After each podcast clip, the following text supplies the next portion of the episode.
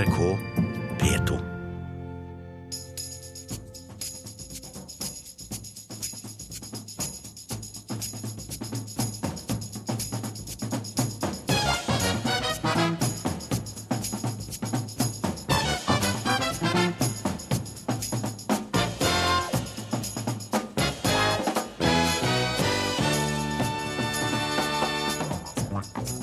Norsk fotball holder ikke mål for Mesterligaen. Vi bør heller holde oss hjemme, mener NRKs fotballekspert. Fryktelig defensivt, svarer journalist Svea fra VG. En lapp på kjøkkenbordet var eneste melding familien til asylsøkeren Chucks fikk om at han skulle sendes ut av Norge. Ordføreren i Tromsø er sjokkert. Jeg syns det er skremmende. Russen i Ålesund får kjenne folkets harme etter tyveriet av pingvinkyllinger fra Atlanterhavsparken. På butikken i dag så fikk jeg kjempemange stygge blikk bare fordi jeg hadde russebukse. Folk dro vekk ungene sine som ville ha russekort. Velkommen til ukeslutt i P1 og P2 dagen før 17. mai. Vi får også besøk av tvillingene som debatterte mot hverandre om voldtekt i Aftenposten denne uken, litt senere i sendingen. Her i studio den neste timen sitter Thomas Alverstein Ove.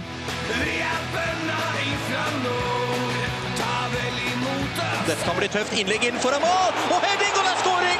Der er det skåring! Her kommer Frankrike inn i feltet, og de får en avslutning i mål! Det er 2-0! Det er 2-0! Giroud! Debussy spiller fremover. Så er de alene med keeper, og det er 3-0! Det er 3-0 for på 16-meteren, på vei ned mot dørlinja. Innlegg inn foran mål, og det er 4-0! Dette begynner å ligne en ydmykelse av Norge.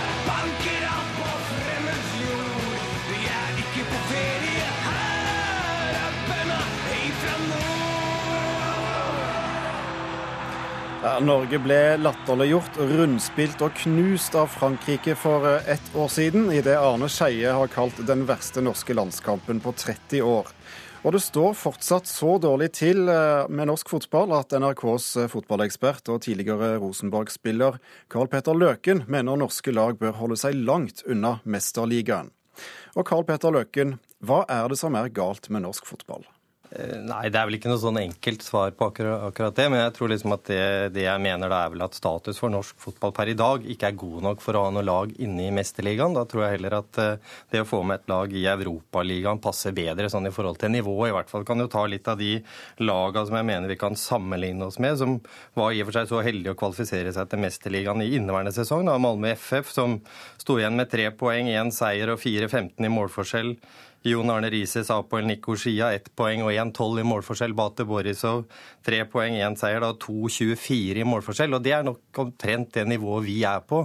Så nivået i Mesterligaen er for høyt, etter min mening. Lag som Benfica, CSKA Moskva endte sist i sine grupper i kvalifiseringsspillet, og de er mye bedre enn de norske lagene. Så jeg mener at Europaligaen er fint sånn rent sportslig. Og Europaligaen ligger et hakk under i eh, prestisje og, og eh, nivå. Ja da, og selvfølgelig så skjønner jeg jo det at veldig mange vil inn i Mesterligaen, for de er de gjeveste, og der er det mest penger. Men, men sånn sportslig så er vi ikke gode nok.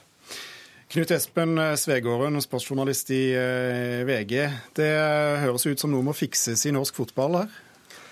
Å ja, det er masse som må gjøres her, og vi er langt unna det vi burde vært. Men eh, det har ikke noe med den debatten her egentlig å gjøre. Eh, Så selv om vi er dårlige på fotball her i landet akkurat nå, eller har vært i noen år kanskje, så, så kan vi likevel være med i Mesterligaen? Altså Det laget som kvalifiserer seg til Mesterligaen, de er på en måte gode nok. Altså Sånn er situasjonen. Systemet er sånn. Eh, Det som overraska meg kanskje mest med utspillet til, Karl Petter Løken her, er liksom litt tidspunktet, for det er såpass lenge til. Så jeg var liksom ikke i det moduset i det hele tatt. Men det er for så vidt eh, helt greit. Og Molde har åpna ruskete. Kan kanskje være at de har en litt annen sesongoppbygning, siden de faktisk skal spille Champions League-kvalik i sommer. For det er Molde vi snakker om, som er eh, serievinner fra i fjor. Er da Ja. automatisk, eh, har fått automatisk fått muligheten til å, å være med i kvalifisering til Mesterligaen. Ja, altså, altså Utgangspunktet mitt er Malmö FF, som da gikk dit i fjor. Klarte det og dumma seg ikke ut. Nå har de fått to eks-Molde-spillere som da dominerer i den ligaen. De er, de er kanskje mer viktige for Malmö enn de var for Molde. Så Molde står neppe noe tilbake for uh, det svenske laget. Og derfor så mener jeg at utspillet blir feil. Fordi det fins alltid noen plasser i Champions League som ikke er liksom til de aller beste. Da, da kan du øke til seks lag i England, seks lag i Spania osv. Men da ødelegger du på en måte turneringen helt. Og det mener jeg er helt feil. Er du redd for at eh, Molde og norsk fotball skal dumme seg ut for eh, europeisk publikum? Nei, det er jeg ikke nødvendigvis. Jeg er ikke redd for at vi skal dumme oss ut. Men jeg tror kanskje at vi tar best steg videre ved å kvalifisere oss inn i Europaligaen, som er et, et steg under. Det er ikke noe tvil om.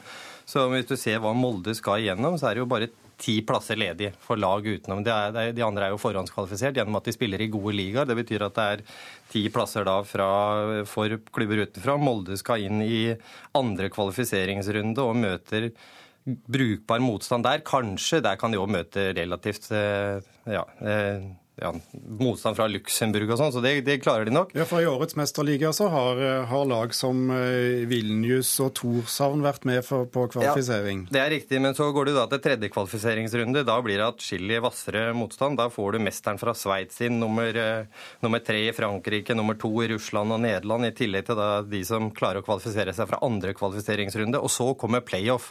Og da kan du faktisk risikere å møte lag som ligger på fjerdeplass i Spania, England og Tyskland som er Valencia, Manchester United og Bayer Leverkosen i dag. Så det er klart du må være heldig skal du ha mulighet til å komme sånn, inn. Er ikke det litt defensiv holdning og defensiv tankegang? At det er, det er farlig og det klarer vi ikke og alt sånn? Du har sjøl faktisk vært med på et lag som da spilte seg inn i Champions League etter ganske mange forsøk og litt dumma seg ut, i hvert fall i en del bortekamper. Men den læringen der gjorde at RBK kom inn til slutt. Men det blir vel kanskje litt trist da å se Molde bli stadig slått i støvlene? Ja, men Det kan vi ikke vite nå. Altså Det eneste som er viktig her, er at vi har et lag som kommer lengst mulig, enten det er til Champions League eller, eventuelt til Europaligaen. Men vi kan ikke ha den holdningen at det her kan vi liksom legge vekk i utgangspunktet. Vi må prøve å få et lag dit, fordi det genererer større interesse, mer penger, mer oppmerksomhet. Eh, et helt annet fokus på hele landet, på alle de kampene som eventuelt Molde skal ha. Det er vel dumt å takke nei til noen ja, ekstra millioner kroner på kontoen? Der, der er det ingen uenighet, for å si det sånn. Og for all del det er jo å håpe på selvfølgelig at et norsk lag blir godt nok. Poenget mitt er at jeg tror at vi er ikke gode nok for øyeblikket. Og jeg tror kanskje at det er like greit da å få spille Europaligaen, som òg har fått en oppjustering økonomisk. Jeg så det lå på Rosenborgs nettsider at de kan finne på å sitte igjen med 50 millioner kroner etter et gruppespill i Europaligaen også.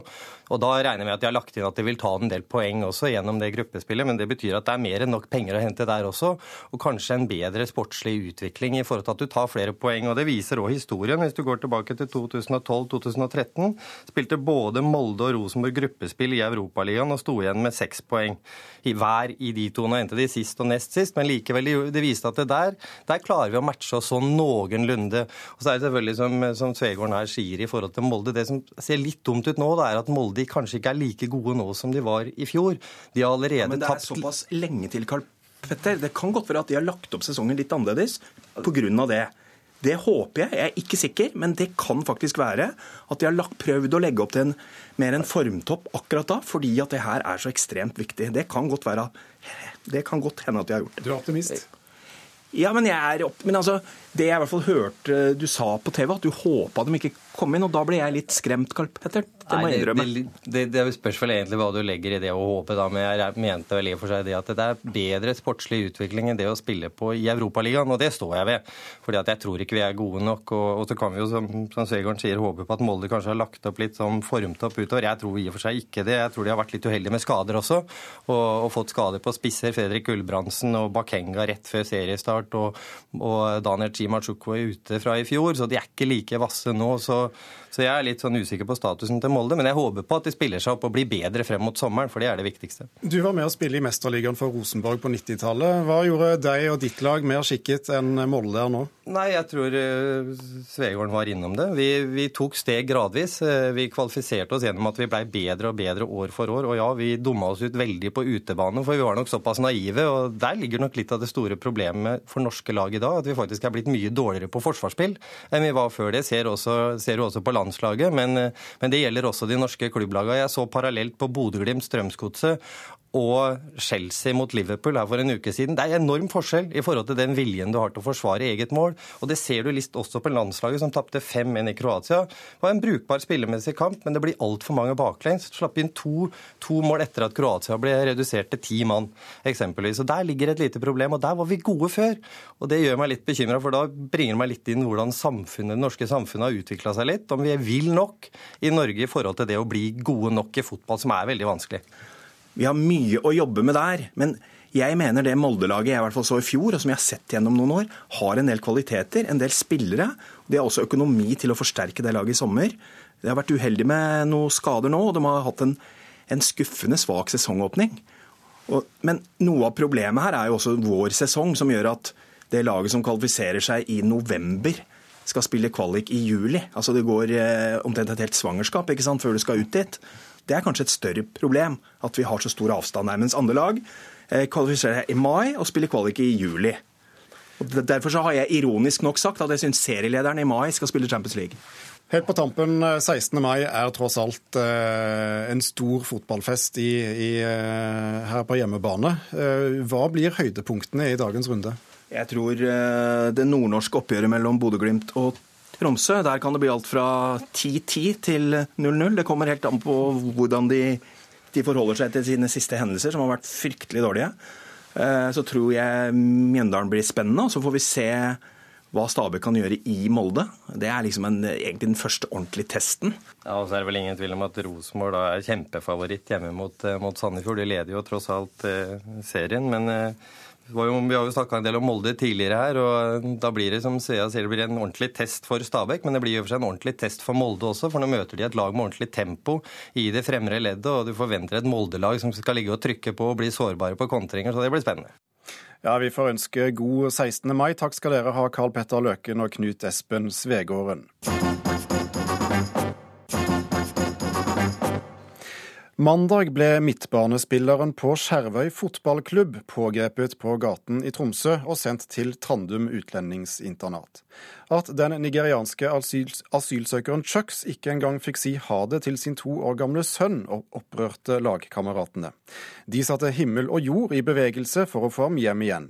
Reporter Pål Andersen besøkte fotballaget og Chucks familie.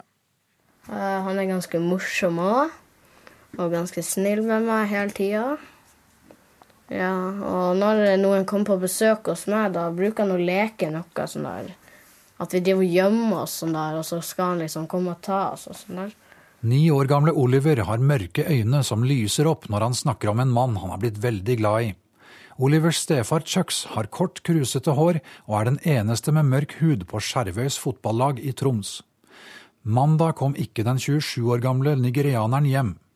Olivers mamma, Hanne Marit Johnsen, fant bare en lapp som lå på bordet. Han hadde skrevet eh, at eh, han var veldig glad i oss, og at eh, politiet hadde kommet og arrestert ham. Eh, og de skulle ta han med til Oslo, og eh, han visste ikke noe mer enn det. Det var jo en eh, heftig beskjed å få. Det viste seg at Chucks, som er asylsøker, var blitt pågrepet av politiet. De hadde sendt ham til utlendingsinternatet på Trandum, noe som ofte er ensbetydende med at folk skal sendes ut av Norge.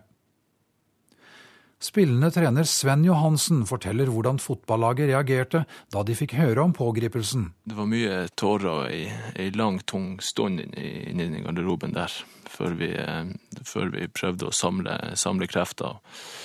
Og vi, vi avlyste treninga og for hjem og begynte å mobilisere for å prøve å få ut det budskapet her for å rekke flest mulig og kunne prøve å få en, en stopper for, for, det som er i ferd med å skje. Chucks har bodd i Norge i drøyt fire år, og han har en to år gammel sønn som han heller ikke fikk ta farvel med. Og saken opprørte mange i Troms. Jeg syns det er skremmende. Høyreordfører i Tromsø, Jens Johan Hjort, synes Chucks fikk dårlig behandling. Han har ikke fått sagt ha det til sin lille sønn. Han har ikke fått sagt ha det til sine kamerater. Eh, deporteres til Oslo. Og uh, dette, dette, er uh, ikke noe vi, uh, vi, kan være oss bekjent i Norge. Fotballaget kontaktet advokat og fikk nyhetene ut i mediene. Det var viktig å støtte opp om Chucks, sier Alexander Kvikne. Det han er jo en helt fantastisk fyr. Er det en hadde gjort absolutt alt for, og hele gruppa her, så, så, er det absolutt han. Og det viser jo at det, det har vi absolutt gjort. Vi har gjort alt som er mulig å gjøre for å klare å få han til å være i byen her og være en del av oss. Etter flere oppslag i lokale og riksmedier fikk Chucks tirsdag beskjed om at han var innvilget besøk på Trandum, som ligger like ved Gardermoen. Toåringen skulle få dra fra Troms for å besøke pappa i en halv time. Men så, på onsdag, fikk Chucks en helt annen beskjed. Han skulle ikke til Nigeria, derimot skulle han sendes tilbake til Tromsø. Og på flyplassen var fotballvennene hans velkomstkomité. Med skjelvende stemme og tårer i øynene går han dem i møte. Jeg visste de var mine venner, men nå vet jeg at de også er familien min. Det er utrolig, sier Chucks. Men Trandum-besøket har satt sine spor. Trandum er et skremmende sted, sier Chucks til ukeslutt. Jeg har aldri blitt arrestert eller vært i fengsel, så dette var en sjokkerende erfaring, sier han.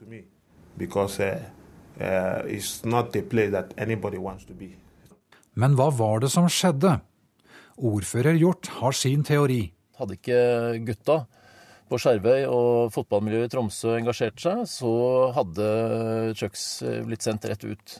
Det tror jeg ikke det kan være noen som helst tvil om. Men Politiets utlendingsenhet benekter at oppmerksomheten har hatt noe å si. I en mail til ukeslutt forteller de at personer som ikke reiser hjem på egen hånd, vet at de vil bli pågrepet før eller siden. Men verken politiet eller Utlendingsnemnda vil si noe om denne konkrete saken. Chucks har søkt om å få avslaget på asylsøknaden omgjort, men fungerende avdelingsdirektør i Utlendingsnemnda, Georg Grønnevig, kan ikke love noe, selv om Chucks har fått reise hjem til Troms. Når det gjelder omgjøringsanmodningen som kom inn, så tar UNE umiddelbart stilling til om vi skal gi utsatt iverksetting, dvs. Si om personen skal få lov til å bli her mens vi vurderer den, eller ikke. Så kan det variere hvor lang tid det tar før svaret kommer på omgjøringsanmodningen. Det kan gå alt fra noen dager til flere uker og flere måneder. Advokat Tor Eida Klausen mener Chucks vil være i stor fare i Nigeria, hvor Boko Haram herjer. Både fordi han tilhører en kristen familie, og fordi han har fått så mye oppmerksomhet i Norge denne uka. Chucks er en, en, offentlig kjent person, og ved eventuelt retur så må det legges til grunn at en sånn retur også vil bli dekt av media, både i Norge og sannsynligvis i Nigeria. Og når, dersom det skjer, så må man legge til grunn at her ville han være et, et mål for, for terrorgruppa Boko Haram. Chuck selv oppgir sønnen som grunn for at han ikke har forlatt Norge. I decided that I make the decision on my own that uh, instead of me uh, running away because the government wants me to, to go, jeg måtte gjøre det jeg føler var riktig. I stedet for å høre på myndighetene, måtte jeg bli og ta ansvaret for barnet mitt, sier han.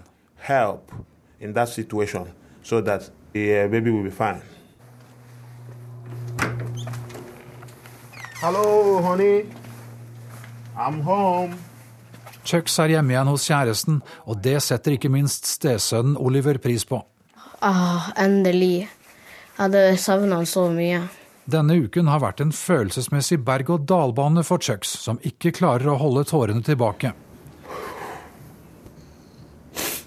Han er ikke bitter etter behandlingen han fikk, og han roser fotballvenner og hele landsdelen for det de har gjort for ham. You know, Norway, they are, they are people, you know. Folk i Nord-Norge er vidunderlige mennesker. Det spiller ingen rolle hvor du kommer fra eller hva slags hudfarge du har. De er glad i alle mennesker, sier han. Pingvinkyllinger ble plutselig noe alle snakket om denne uken. For natt til torsdag forsvant flere fra Atlanterhavsparken i Ålesund. Fire russ er siktet i saken, men de nekter for å stå bak tyveri av kyllinger og egg fra den utrydningstruede pingvinarten. Parkeringen utenfor akvariet er russens yngleplass i Ålesund. De syns det er urettferdig at russen får skylden. Hva syns dere om at uh, pingvinene sikkert er døde nå? Eller de sier at uh, de mest sannsynlig er døde? Det er jo helt tragisk. Det burde jo ikke skjedd, det, rett og slett. Og det er dumt at hele russen får skylda for noe som noen få har gjort. Eh, For eksempel, bare det å gå på butikken i dag, så fikk jeg kjempemange stygge blikk bare fordi jeg hadde russebukse. Folk dro vekk ungene sine som ville ha russekort fordi jeg hadde på meg russebukse. Og bare fordi jeg har på meg rød bukse, så betyr ikke det at jeg har noe med det der som har skjedd å gjøre. Og det syns jeg er veldig dumt at voksne folk er de verste. Det er dem som oppfordrer til å spytte på russen i toget. De oppfordrer til at all av russefeiring burde bli avlyst, og at russetida burde bli avskaffa. Bare fordi sju personer har ødelagt for 800 personer. Det å feie alle under ett teppe, liksom, det går ikke an. Det er flaut. Vet dere hvem eh, de er? Ja, noen av dem. Ja. Eh, ja. Hva har dere, lyst til å si til dem, da? Jeg er veldig skuffa. Veldig, veldig veldig skuffa. Eh, og det er noe jeg syns de burde kjenne på. Eh, de har ødelagt for så mange russ, medruss. Nei, altså, Da burde bare innrømme altså, Alle gjør jo feil. Det er jo lett, for alle gjør feil hele tida. Reporter hos russen i Ålesund, det var Andreas eh, Augedal. Tor Erik Standal, daglig leder for Atlanterhavsparken. Eh, Russen syns mistanken mot ham er eh, urettferdig. Hva syns du? Jeg syns det jeg er helt enig med russen at vi, vi kan ikke holde på å behandle alle under ett. Eh, Det er ingen som har tilstått dette, og da syns jeg det er gale å behandle ei hel gruppe mennesker som eh, skyldige. Hvordan tror du kyllingene har det nå? Jeg tror dessverre kyllingene er døde. Jeg har ingen tro på at de har klart å overleve over to døgn uten foreldrene sine. Overvåkningsbildene fra, fra natt til torsdag viser altså det som ser ut som uh, sju eh, russ som, uh, som går rundt i parken. Er det for lett å komme seg inn til pingvinene? Ja, hvis du som menneske har lyst å bryte deg inn der, så klarer du det. Det, det har ikke vi Men det vi har satt vinden inn på, det er å beskytte pingvinene mot rovdyr utenfra. Og hindre at pingvinene tar seg ut i norsk natur, for der har de ingenting å gjøre. Petter Bøckmann, zoolog ved Naturhistorisk museum. Eh, Hva tror du har skjedd med pingvinkyllingene? Jeg vil regne med at uh, disse kyllingene rett og slett har sulta i hjel eller frosset i hjel. Uh, det har blitt sagt, uten at jeg er politimann eller vet så fryktelig mye om dette, at de har blitt satt ut. Og uh, det er helt riktig som det sies her oppe fra Atlanterhavsparken, at dette overlever ikke sånne små dyr. Altså en sånn liten håndfull med, med dun og kjøtt på. Og det er klart, den løper ikke fort, og den går ikke fort, og den lukter mat. Og da kommer reven og tar dem. Så den har rett og slett gått inn i eh, blitt en del av naturens gang. Ja, la oss si det på den måten. Hvis du, har et, eh, hvis du har en høne som ikke kan løpe noe sted, og legger den i skogen, så blir den spist. Hva, hva er det som gjør disse kyllingene så sårbare? Dette her er pingviner, og pingviner er jo dyr som holder til på øde øyer nedover i Sørishavet. Og grunnen til at de bor der, er at disse dyra ikke kan fly. De kan ikke bygge et reir i trærne eller gjøre sånne ting. Og da er de nødt til å finne sted å ha reirplassen sin hvor det ikke finnes pattedyr. Du kan si at eh, En pingvinkoloni og en rev er en fryktelig dårlig kombinasjon. Da er det ikke noe pingvinkoloni veldig plutselig. Og Når du da tar disse pingvinene ut av et beskyttet område, som til Atlanterhavsparken er bygget, ja, så putter du dem et sted hvor det er rovdyr. Hvordan tror du pingvinmor og pingvinfar har det nå i Ålesund? De er helt sikkert ikke fornøyde. Det er jo sånn med dyr som passer på ungene sine over lang tid, at de har en tilknytning til ungene sine. En tilknytning som kan være vanskelig for oss å se, men som er vanskelig å beskrive som noe annet enn følelsesmessig tilknytning. Hvis de ikke hadde hatt det, så hadde de jo ikke gått og passa på disse to skrikete små eller tre skrikete små uh, dunballene som skal ha opptygd fisk og hva de nå enn skal ha alle sammen. Det er altså ganske mye styr, og derfor så er de nødt til å være knytta til dem. Tor Erik Standal, hvordan preger dette tyveriet livet i Atlanterhavsparken?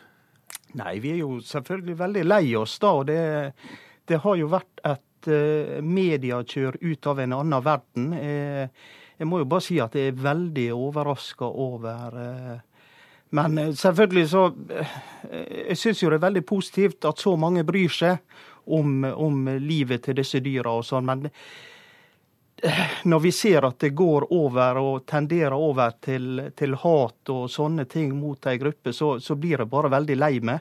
Det blir bare mange tapere ut av denne saka her, dessverre.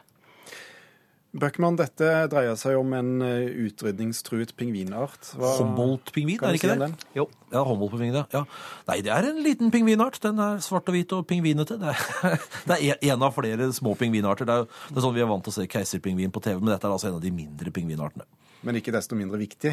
Det ikke desto mindre viktig, og ikke desto mindre utrydningstruet. Og, og dette kan jo Standmann sikkert fortelle om, men Dyreparker har et avlsprogram gående nettopp for at det skal være en slags sånn reservepool av, av pingviner her i verden. Og, og når noen bryter seg inn og begynner å herje med sånne avlsprogrammer, så er det mer skade enn bare det rent dyreplageri-messige. Er det sånn standard at det er en slags backup for eh, naturen? Ja, dette er et avlsprogram gjennom en organisasjon som heter EASA, som er dyreparker og zoologiske og eh, akvarium rundt om i, i verden. Som da tar seg av og sprer da eller holder på genene til denne arten. Og etter hvert som eh, kyllingene vokser opp, så bytter vi med andre plasser de har samme arten, sånn at vi hindrer innavl og holder best mulig stand på, på genene deres.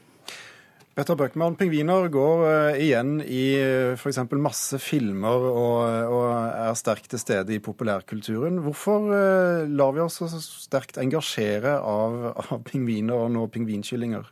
Pingviner er veldig morsomme dyr. De har en veldig spesiell biologi. De er uvante fugler. Fugler som ikke kan fly, og som vagger rundt i noe som ser ut som kjole og hvitt.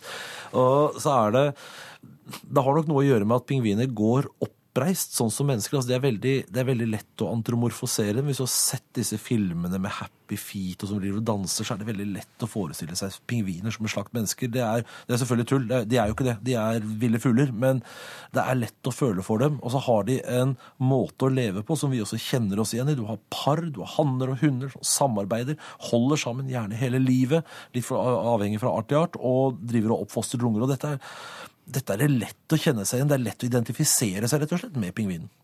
Helt kort til slutt, eh, Standal. eh, Hva skjer videre i eh, saken oppe hos dere nå? Nei, nå er dette over til politiet, så det er en politisak om et innbrudd og et tyveri, og da forholder vi oss til det. Takk skal dere ha, Tor Erik Standal, daglig leder for Atlanterhavsparken, og takk også til Petter Bøckmann, zoolog ved Naturhistorisk museum. Du hører på eh, Ukeslutt i eh, NRK P1 og P2. Fortsett med det, for vi har mer å by på den neste halvtimen. Migrapolis sender sitt siste kyss etter 18 år på skjermen. Vil bli et savn, sier komiker som parodierte det omstridte programmet. Jeg antar at du har spinket og spart? Ja, for du får vel ikke lån i banken, du med din hudfarge? Og hvor går grensen for hva som er sjekking og hva som er trakassering? Tvillingpar tok debatten i Aftenposten. Nå møtes de i ukeslutt for å snakke om utfordringene i gråsonen.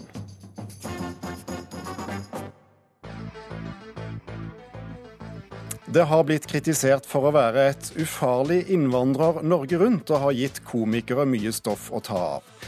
Nå er det kroken på døren for det elskede og hatede TV-programmet Migrapolis. Vemodig synes Hung Mai Ba, som har vært med fra starten. Trenger vi en så lang sekvens der? Nei, egentlig. Vi kunne bruke de.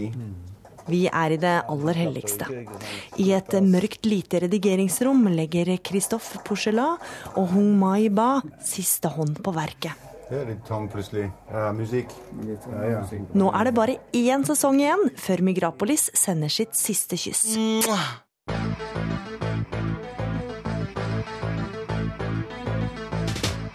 I 18 år har programmet laget TV om innvandrernes liv i Norge.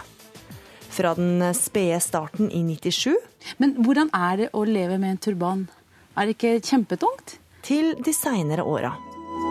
Lavlin har indisk familiebakgrunn, mens Daniel er halvt pakistaner og halvt filippiner. Noe som skulle vise seg å være en utfordring i begynnelsen av kjærlighetsforholdet. Nå mener NRK at Migrapolis har gått ut på dato. Både Hung og Kristoff har vært med fra starten. Men veteranen i redigeringsrommet henger ikke med hodet av den grunn.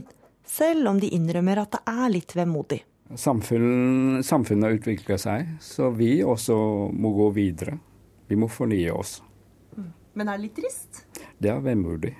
At det er trist at det legges ned. Jeg har alltid syntes at det var synd at Norge trengte et program som Migrapolis. Så man kan vel synes at det er bra at den legges ned får håpe at samfunnet har utviklet seg slik at man trenger ikke et verketøy for å forstå hverandre. Migrapolis har blitt både elsket og hatet. Og ikke minst parodiert. I Megapolis i dag skal det handle om unge selvstendige innvandrere som har startet en såkalt gründerbedrift. Og mest kjent av dem alle er komikerduoen By og Rønnings karakter Tran. Med sammenknepne øyne og svart parykk insisterer han på at det er plagsomt mye diskriminering og rasisme i Norge. Er det vanskeligere for en innvandrer enn for en etnisk nordmann å starte en gründerbedrift i Norge? Jeg tror egentlig det er eh, vanskelig uansett å, å starte en bedrift, og det er egentlig uavhengig om du er eh, hvit eller brun eller gul eller blå, holdt jeg på å si. Men kanskje ekstra hardt for deg som er innvandrer? Vi, vi kalte jo figuren vår Tran, eh, så det var jo en, en egen figur. En litt mer sånn la oss si, en litt sånn hardere versjon av Hung. Men det er klart at Hung var jo utgangspunktet. Komiker Jon Niklas Rønning avslører hvem de har blitt inspirert av. Eh, Det var jo han som Anders Bye så på og, og, og, og lagde en stemme som kunne minne om, eh, om han. Men, men vi, vi måtte ha frie tøyler, så, så han ble en slags sånn ekstremversjon av Hung, egentlig. Jeg antar at du er sminket og spart? Ja, for du får vel ikke lån i banken, du med din hudfarge? Så tvert imot, eh, de Ligner litt på meg, uten krøll. Hung selv syns parodien er ganske god. Ligner litt også på måte jeg snakker også. Litt sterkt og litt eh, gøybrokken. Og Og han ser det som en ære at han ble en av komikernes populære karakterer. det med, med, med å lage parodi av eh, et menneske, eller av et program, det, det, det, det, det, det kan også bety at eh, programmet er populære, anerkjent. Hungs mistanke blir bekrefta av Rønning. Jeg kommer til å savne Megrapolis uh, som program. Uh, og som komiker så er det jo et stort tomrom, fordi uh, av alt vi har gjort, så troner jo Migrapolis-parodien på topp tre for min del. Altså. Det, det er bare en sånn, jeg har en kjærlighet både til programmet og til programlederen. Jeg kan arsa Reporter i denne saken var Gry Veiby. Migrapolis har eh, gått lenger på norske TV-skjermer eh, enn Nytt på Nytt, men nå er det altså slutt. Sandeep Singh, eh, journalist, du mener det har holdt på altfor lenge. Hvorfor det? Jo, altså det har jo kommet som grunn nå at, at tiden har gått fra Migrapolis, og at det har nå blitt utdatert. Men jeg har jo ment at det har vært utdatert en liten stund, da. Eh, Lenger. Eh, Hva er det som er galt? Altså, eh, Det største problemet egentlig har vært liksom formatet. Eh, ikke noe mot journalistikken, for det er veldig mye bra journalistikk i programmet, men det er formatet. Det er det at man ikke helt forstår hva programmet skal handle om, og hvem det henvender seg til. Eh, og det mest irriterende er vel kanskje sånn musikkvalg og sånt, eh, som gjør at eh, man bare Brune folk må, må forbli brune folk. Eh, man omtaler veldig sjelden de som nordmenn, og det er liksom Eh, det, det blir underbygget av musikken, av jalla-musikken eh, med Holly Valance, Kiss Kiss. Så det at Ser man en afrikaner på ski, så er det liksom bongotrommer i bakgrunnen. Eh, litt, litt sånne ting som, som gjør at eh, det blir på en måte en, nesten mer en bjørnetjeneste for innvandrere. Rajan Chelia, programleder i Mikropolis. En, en bjørnetjeneste for, overfor innvandrerne? Nå syns jeg at Sandeep Singh overdriver litt. Vi er jo bevisst på musikkbruken. Men når en, en intervju, et intervjuobjekt eh, har denne bakgrunnen, hva er galt med å bruke eh, en sitarmusikk eller en afrikansk bongo? Eh, Men vi har jo vært bevisst på det. Eh, Når, når folk snakker om Migrapolis, så Når jeg hører eh, bestemte oppfatninger om Migrapolis, så tenker jeg mye på blinde menn og elefanten. Det er det de blinde mennene gikk ut for å finne ut hva en elefant er, og de frimodig gikk inn og kom borti eh, magen og tenker, sier at det er en mur, og kom borti støtene og sier at det er en spyd. Det er, det er slik folk oppfatter Migrapolis. Migrapolis lager program i et stoffområde som handler veldig mye. Og eh, noen er eh, enig i en del ting som vi behandler i et av programmene, og ah, en del andre ikke liker det. Så det har vi slitt med. Slet med. Eh, Migrapolis har vært eh, mye mer. Eh, vi har laget koseprogrammer, ja. Vi har også laget programmer som tar opp veldig mange konfliktfulle temaer også innad i minoritetsmiljøene. Ja. Har det ikke vært et bra integreringsverktøy? Eh, kanskje ikke et uh, bra integreringsverktøy, men det har vært i hvert fall godt for å uh, uh, være en slags Altså skape balanse fra den mediedekningen innvandrere som regel får. da. Eh, og jeg tror at det programmet her har vært langt viktigere for, for eldre hvite, altså etnisk nordmenn, enn det har vært for innvandrere. Ja, hvorfor det? Eh, altså som, som innvandrer, i hvert fall som journalist. da. Jeg ville bli journalist da jeg var eh, ganske ung, men eh, Migrapolis ga meg liksom det inntrykket av at, at det er det eneste stedet jeg kan jobbe hvis jeg skal være en brun og journalist. Eh, og det så, så det blir liksom nesten en sånn personlig sårhet jeg har mot programmet òg. Fordi jeg fikk liksom ikke noen mulighet. Det var ikke før jeg så Kadafi Zaman på TV uh, og Mala Navin i Aftenposten at jeg skjønte ok, det går an å være brun i Norge og være en vanlig journalist. Har dere følt det sånn i redaksjonen at de, NRK har samlet eh, alle medarbeidere Altså, jeg, huden? jeg oppfatter meg som en vanlig journalist, men jeg har en eh, perspektiv, et perspektiv som er interessant for redaksjonen. Vi behandler et eh, stoffområde hvor eh, mine perspektiver er vel så viktige.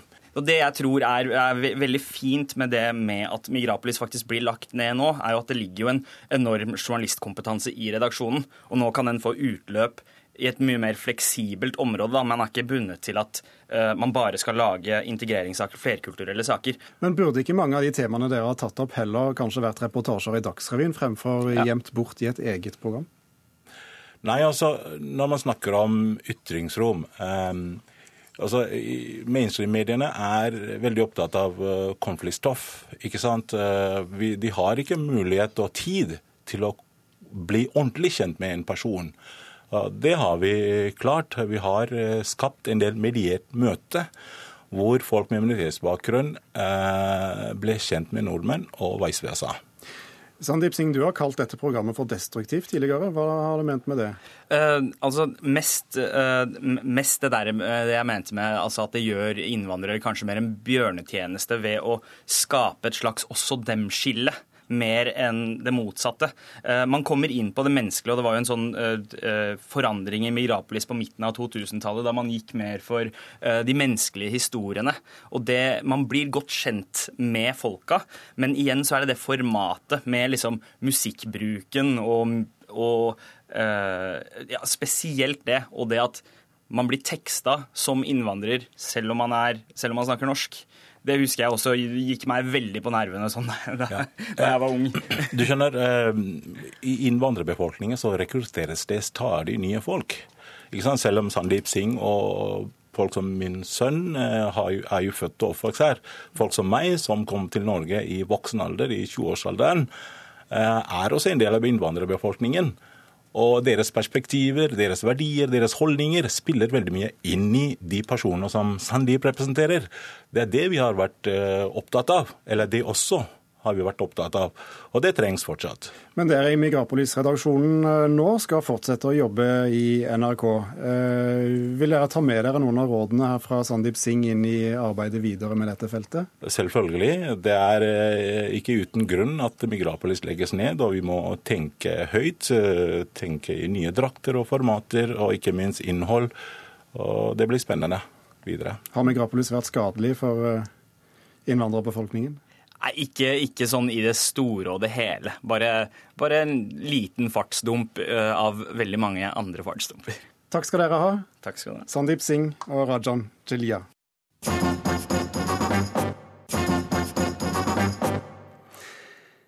Jentene må tørre å si fra, for det er faktisk ikke så lett for gutter på sjekkeren å vite hvor grensen går alltid, hvis ikke jentene sier det. Det skrev 20 år gamle Johannes Bangum i et av de mest leste innleggene i Aftenposten denne uken. Han fikk eh, kontant svar fra tvillingsøsteren Kristine. Det må være guttenes ansvar å spørre om jentene vil noe mer, sier hun. Og Kristine, hva tenkte du da du så, eh, så innlegget til broren din? Eh, jeg ble jo litt sjokkert og intuitivt, egentlig. Jeg ble litt redd for hva mamma kom til å si. Og folk som har vært på den siden av debatten, har fått ganske mye pepper. Så jeg ble litt uh, bekymra for hva som kom til å skje med Johannes etterpå. Men eh, mest av alt så ble jeg jo keen på å svare ham, for jeg var helt eh, uenig i eh, konklusjonen han trakk. Jeg syns det var eh, veldig, veldig bra at han, eh, han ville nyansere debatten og ta opp gråsonene i debatten.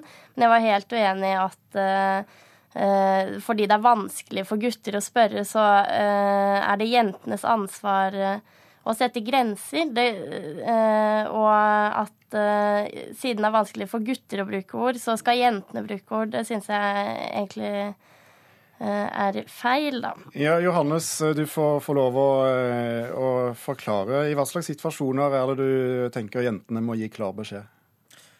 Ja, hei Thomas. Veldig hyggelig å være her. Um, poenget mitt med dette innlegget det er at dagens voldtektsdebatt tar ikke opp de problemstillingene de, e- den egentlig burde. For i dag så blir det framstilt som om voldtekt er én type hendelse, og at alle menn som begår det, er onde menn. Men slik er jo ikke virkeligheten. Vi har overfallsvoldtekter, men de fleste hendelser der jenta føler seg voldtatt, eller at det er voldtekt, det er når jenten og gutten allerede kjenner hverandre. Det er på fest, og det er ofte med alkohol inne i bildet. Og jeg mener at gutter forstår ikke at denne debatten angår dem, før vi begynner å snakke om disse gråsonene. Så det jeg da prøvde å gjøre i mitt innlegg, var rett og slett å beskrive virkeligheten slik den er i dag. Og virkeligheten i dag er at det er ikke alltid perfekt kommunikasjon.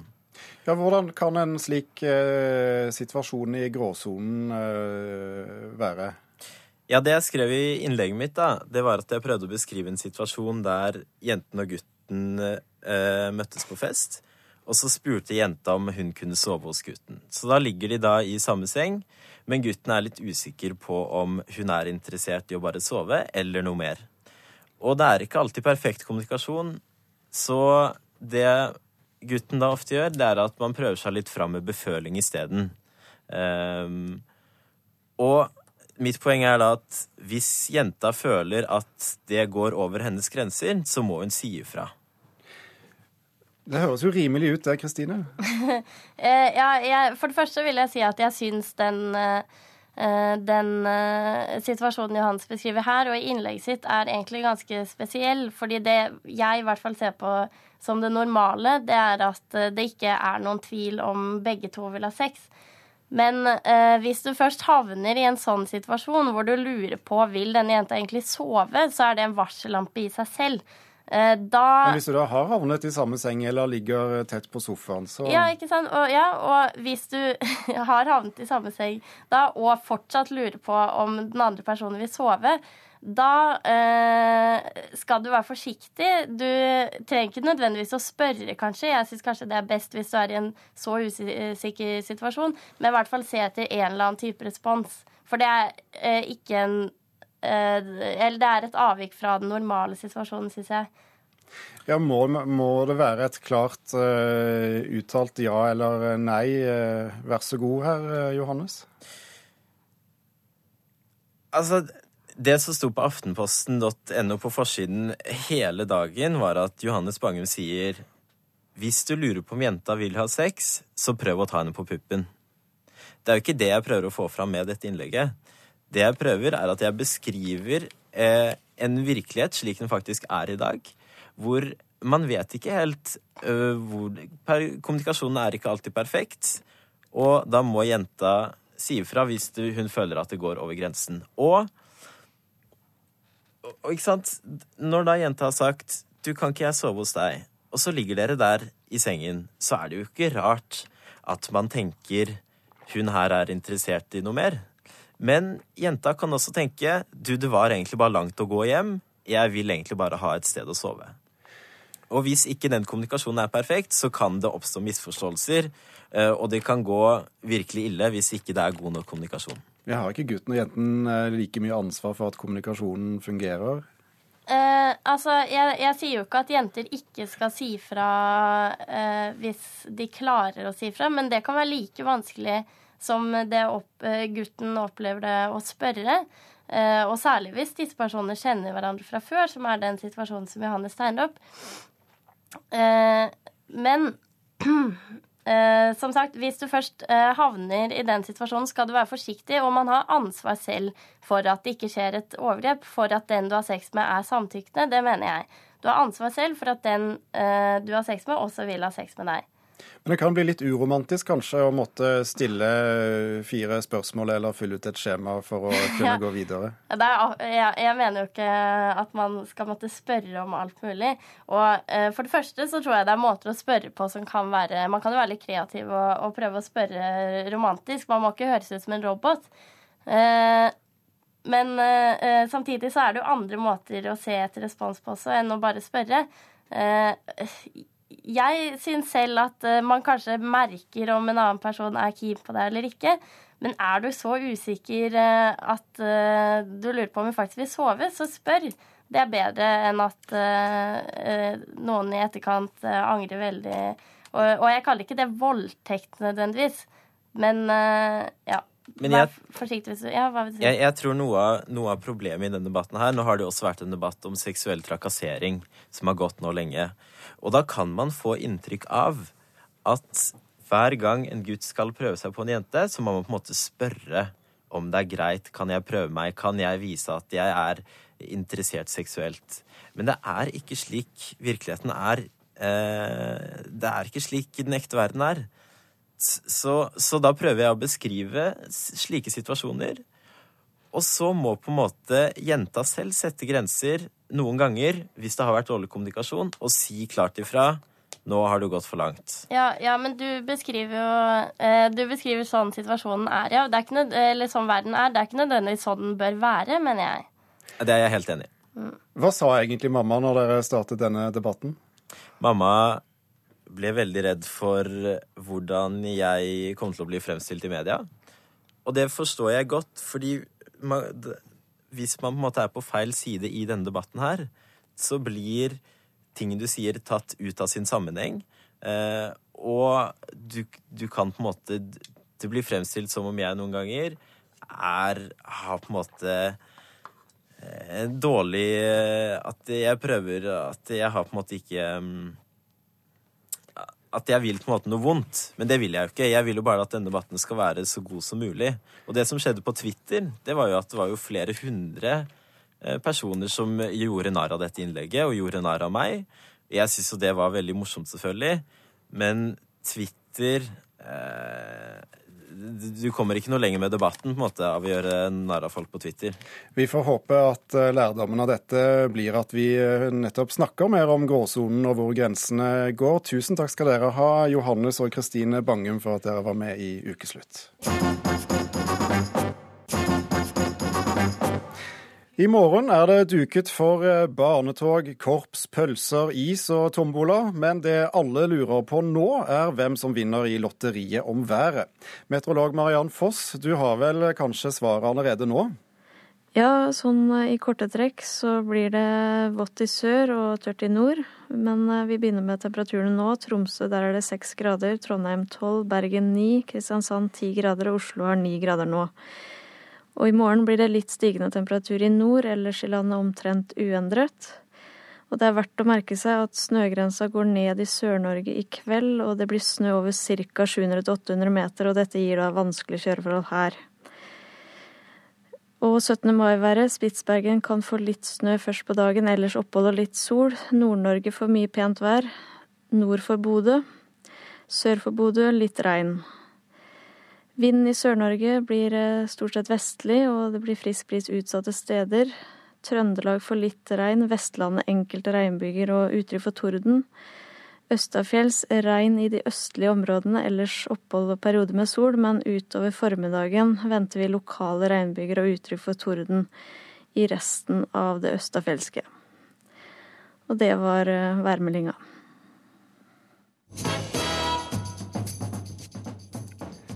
Da blir det bare å eh, pakke solbrillene i vesken for dere som bor i nord. Og her i sør så må du da velge mellom regnponcho eller paraply i eh, vesken på eh, nasjonaldagen.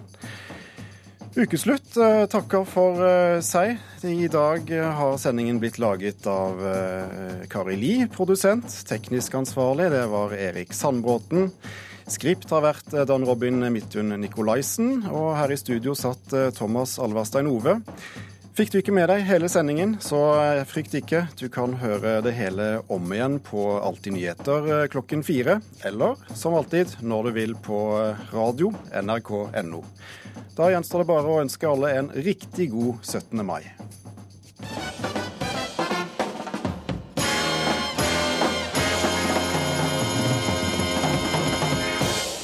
Hør flere podkaster på nrk.no podkast.